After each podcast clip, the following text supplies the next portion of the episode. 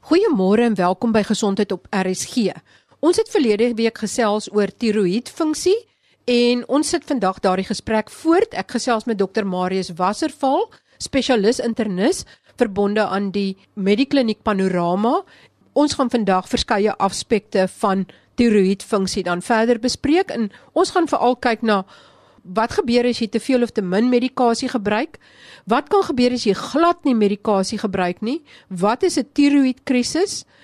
Ons kyk ook na tiroïedgewasse of nodules en ook wat as die fout nie by die tiroïed maar by die hipofise lê en dan ook waarom mense met 'n ooraktiewe tiroïed se oë lyk of dit uitbeel. Ek wil net vinnig 'n paar belangrike aspekte van die eerste gesprek vir julle saamvat sodat ons dan van daar af verder kan beweeg. Die 'n skoenlappervormige klier in jou nek wat jou metabooliese spoed beheer.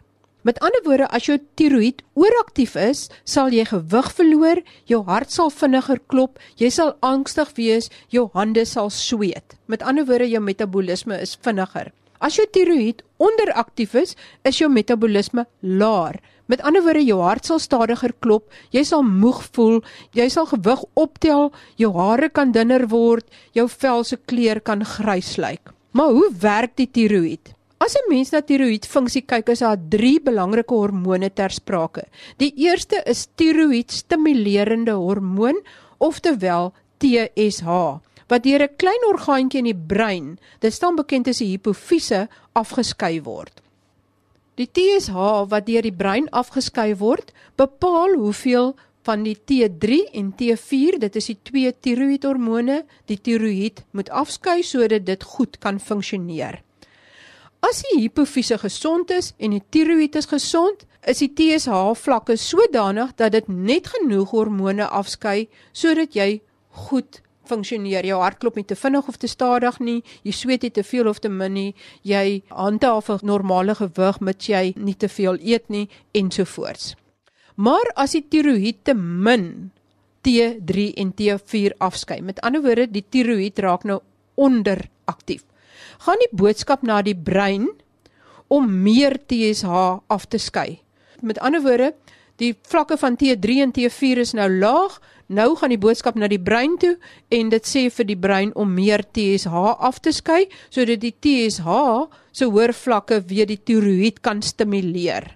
Maar as daar foute is met die tiroïed, gaan dit nie help nie. En al wat gebeur is dat die TSH vlakke raak al hoër, maar die die T3 en T4 vlakke bly laag. Dit kan dan reggestel word of behandel word met 'n pilletjie wat tiroïedhormone bevat. As die tiroïed ooraktief is, skei dit om een of ander rede te veel T3 en T4 af, wat dan vir die brein sê om minder TSH af te skei. Maar as daar foute is met die tiroïed en hy kry soort van 'n lewe van sy eie, dan help dit nie. Die TSH vlakke word laer, maar die T3 en T4 vlakke bly baie hoog. Nou wat kan verkeerd loop of wat veroorsaak dat die tiroïed onder of ooraktief word? Daar is baie oorsake insluitende inflammasie of infeksie. Byvoorbeeld enige infeksie kan veroorsaak dat die tiroïed skielik al sy T3 en T4 vrystel, soos wat dokter Wasserval verduidelik het van die silo waarin daar gate geskiet word, wat dan lei tot 'n tydelike ooraktiewe tiroïed. Maar dan is al die T3 en T4 op en dit vat weke of maande vir die tiroïed om weer genoeg T3 en T4 op te bou. So in daai tyd gaan die persoon 'n baie lae T3 en T4 vlak hê. So aanvanklik hoog en dan baie laag vir weke of maande.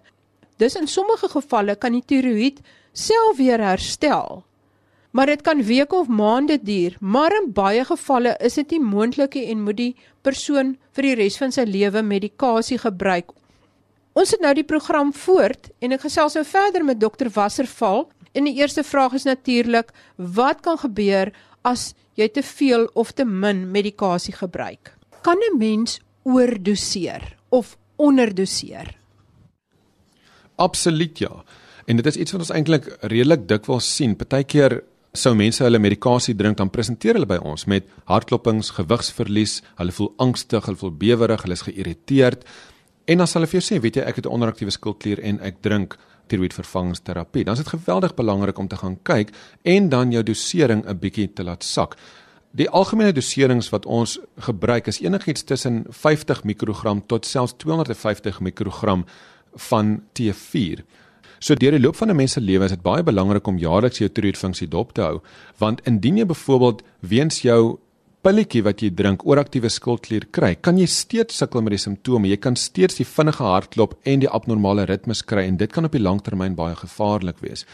Dus is dit dan nodig om jou dosering 'n bietjie te verlaag. Die ander kant is ook waar dat jy vir 'n sekere tydperk byvoorbeeld 100 mikrogram nodig het en jy perfek gekontroleer is, maar dan kan daar seisoene wees waar tydens daar veranderlikes is waar jy 'n verhoogde dosering nodig het. So indien 'n mens egter dan presenteer met simptome van onderaktiwiteit, en anderswoorde gewig wat toeneem, miskien bietjie depressie, hartlywigheid, droë vel, 'n uh, jeesstem ensovoorts, dan is dit ook belangrik vir die dokter om die tiroïedfunksie te gaan toets en indien hy sien die TSH is hoog, die tiroïedhormoonvlakke self is 'n bietjie laag, dan verhoog jy weer die dosering van die tablet om seker te maak die drie hormone is binne normale reikwytes en in 'n normale balans. Wat sal gebeur as mens verhoogde tiroïedfunksie het en jy behandel dit glad nie? Dit kan natuurlik baie gevaarlik wees. Dit kan wees om te sê wat gaan gebeur as ek my kar se engine ref so hoog as wat ek kan. So soos jou kar se engine kan uitbrand, net so kan 'n mens in die liggaam geweldige ernstige komplikasies kry en dit kan potensieel self dodelik wees.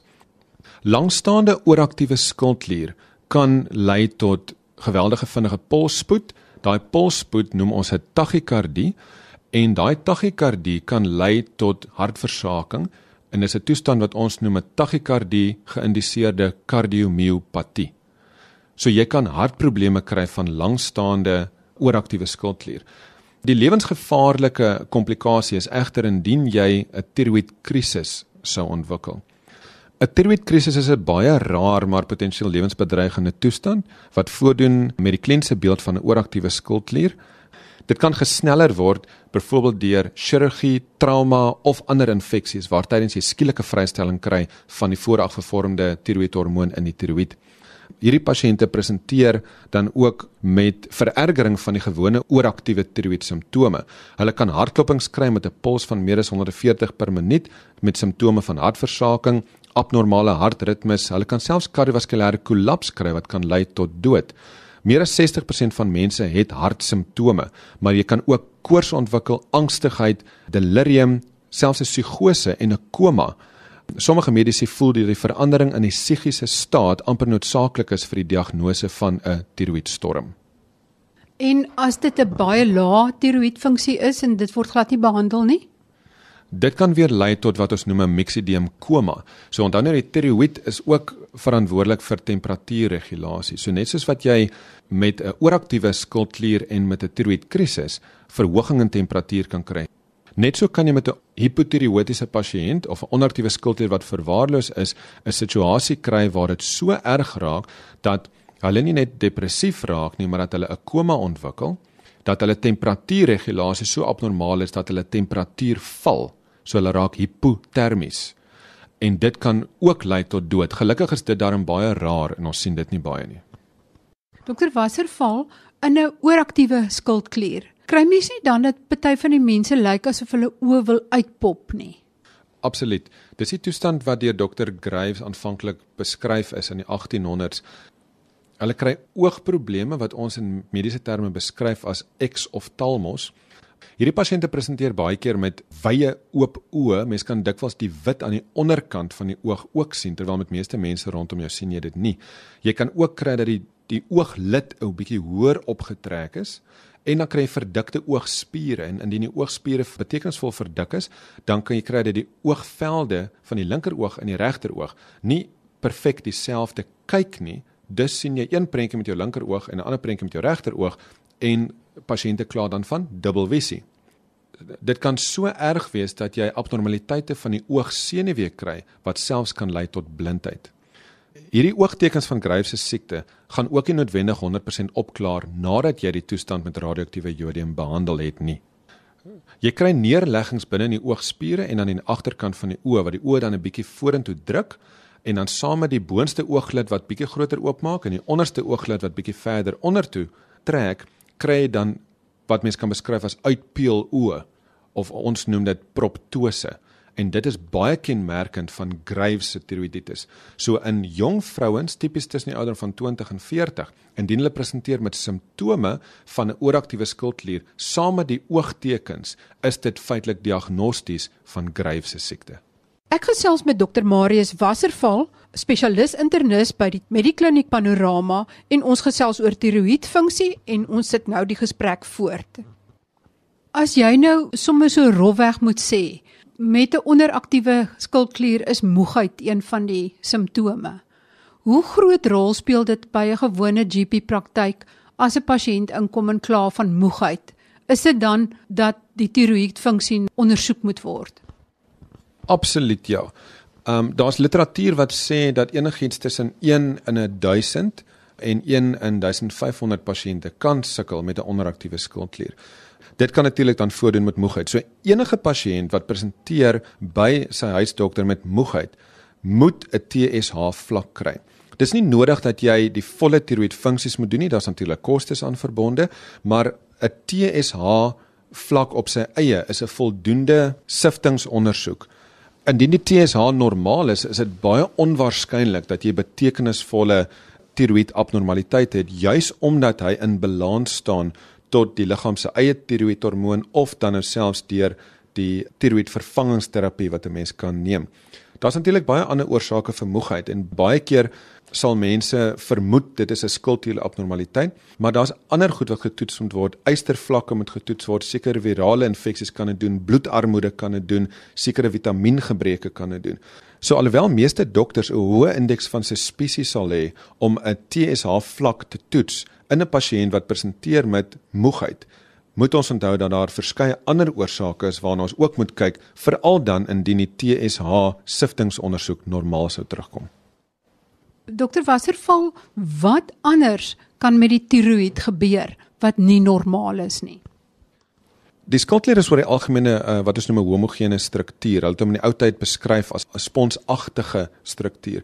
Inteendeel, Hier in die vroeë 100s na Christus het hulle vermoed die skildklier is 'n klier wat keer dat enige sekresies afloop in jou longe in wat dit absorbeer. So 'n paar jare later het van die medisy gevoel nee, maar hierdie hierdie klier is baie beter geskik en geleë om jou lugweë te bevochtig. So hulle dink hy skei weer iets af. Dit was eers laat in die 1600s wat hulle agtergekom het daar's bloedvatkoneksies tussen die hipofise, die klier in die brein en die skildklier en toe begin agterkom en dit het te doen met energie balans en temperatuurregulasie. Nou as jy kyk na die tiroïedstruktuur self, kan jy natuurlik klein areas kry van abnormaliteite en hulle sê tot en met 50% van mense kan 'n nodule vorm op hulle skildklier.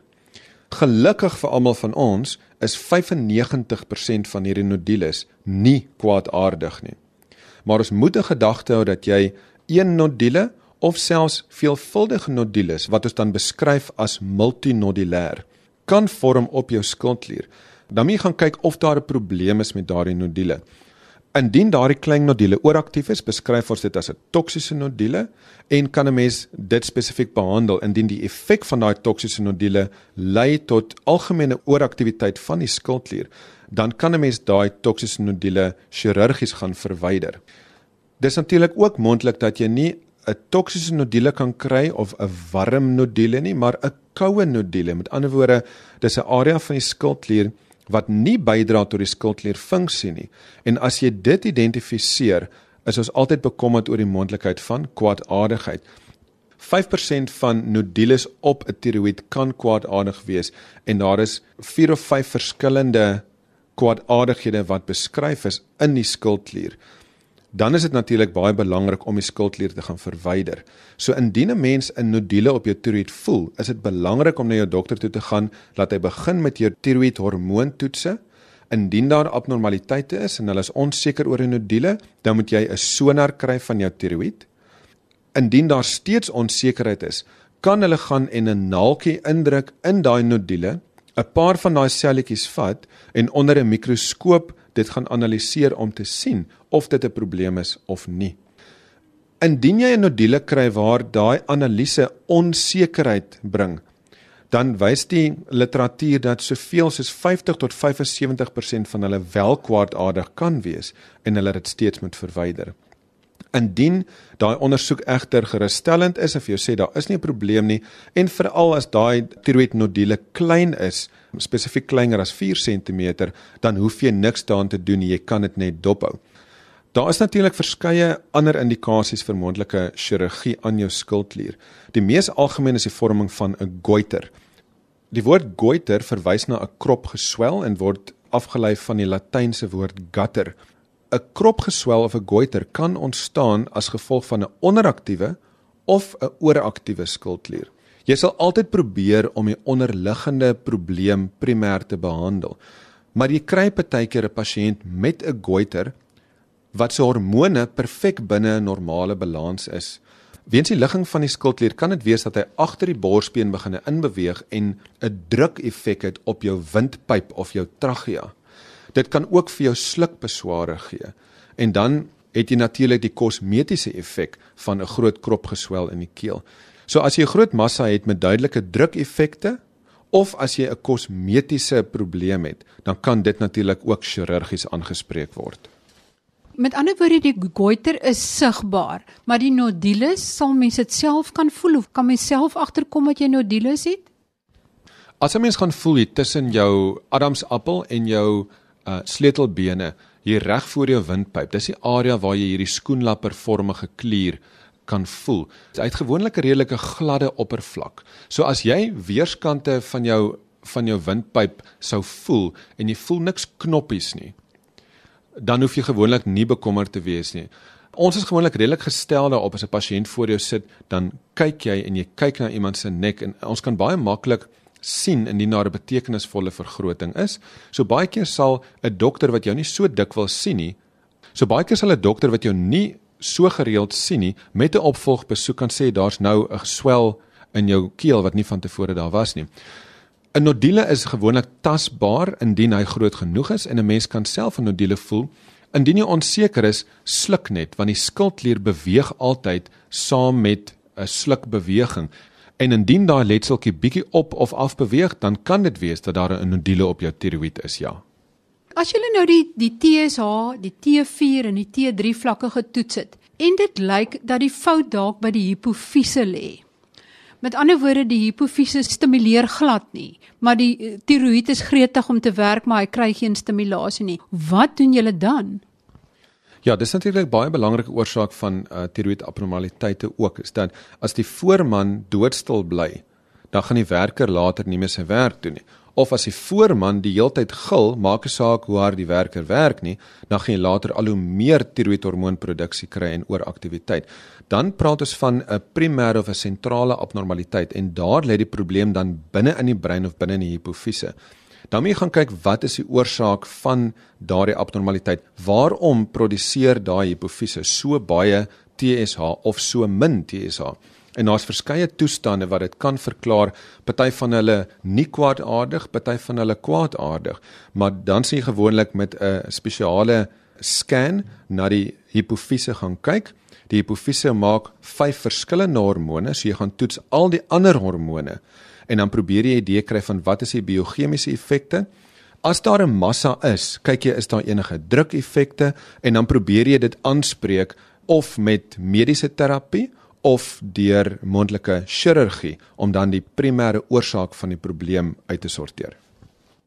Dan 'n laaste vraag dokter Wasserval, soos dit mens ouer word, lyk my al die hormone begin soort van bietjie swakker te werk. Kan dit wees dat as mens ouer word dat jou tiroïedfunksie eintlik maar ook afneem? Ja, dit kan verseker jou ooraktiewe simptome is en spesifiek dan Graves se siekte is baie meer in jong vrouens. Maar 'n onderaktiewe skildklier is by verre weg baie meer algemeen as 'n ooraktiewe skildklier en dit is ook baie meer algemeen teenwoordig hoe ouer 'n mens word. So waar onderaktiewe skildklier of spesifiek Graves se siekte tipies in vrouens tussen 20 en 40 is, maar ook in mans kan voorkom, sal daai syfer van 1 in 1000 tot 1 in 1500 meer van toepassing wees op mense ouer as 40 of 50 jaar. So soos wat jy ouer word, is daar wel abnormaliteite wat intree en jy kan later gediagnoseer word met onderaktiewe skildklier.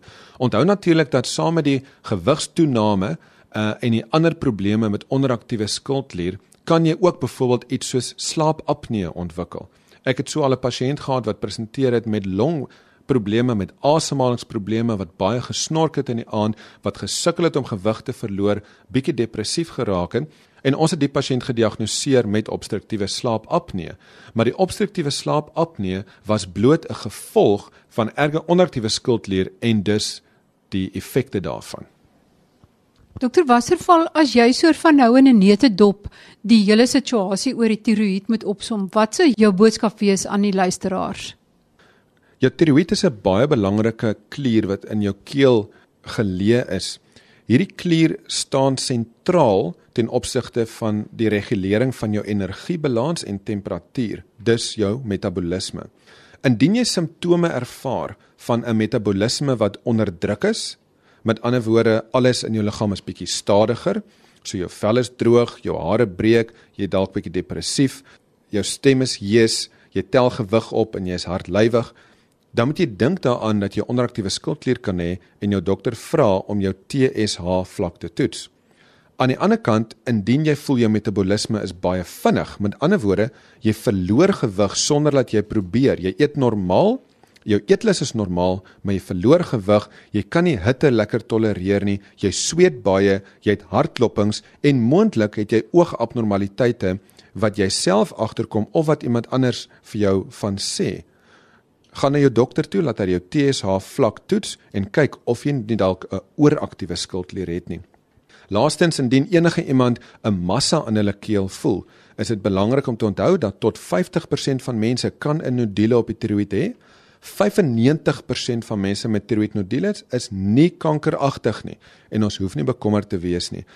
Maar as jy 'n massaatjie in jou keel voel wat beweeg wanneer jy sluk, is dit belangrik dat jy by jou dokter uitkom dat ons 'n sonar kan doen en seker maak dat jy nie onderliggende moeilikheid het op jou skildklier nie. Baie dankie dokter Wasserval. Dit is aan al vir hierdie week. As jy enige vrae het oor tiroïedfunksie en ek het al reeds 'n paar vrae gekry, Stuur dit gerus aan my by gesond@rsg.co.za en ek sal dit aanstuur vir dokter Wasserval sodat hy dit in die toekoms in 'n program kan beantwoord. Tot volgende week dan, wanneer ons gesels oor genetiese diagnoseringstoetse wat nou gedoen word op 'n embrio voordat die embrio tydens in vitro fertilisasie teruggeplaas word in die moeder. En ek vertel julle ook van 'n 7-jarige seentjie van Woester wat wag op 'n hartoortplanting en verduidelik wat presies met sy hartjie fout gegaan het. Tot volgende week dan. Totsiens.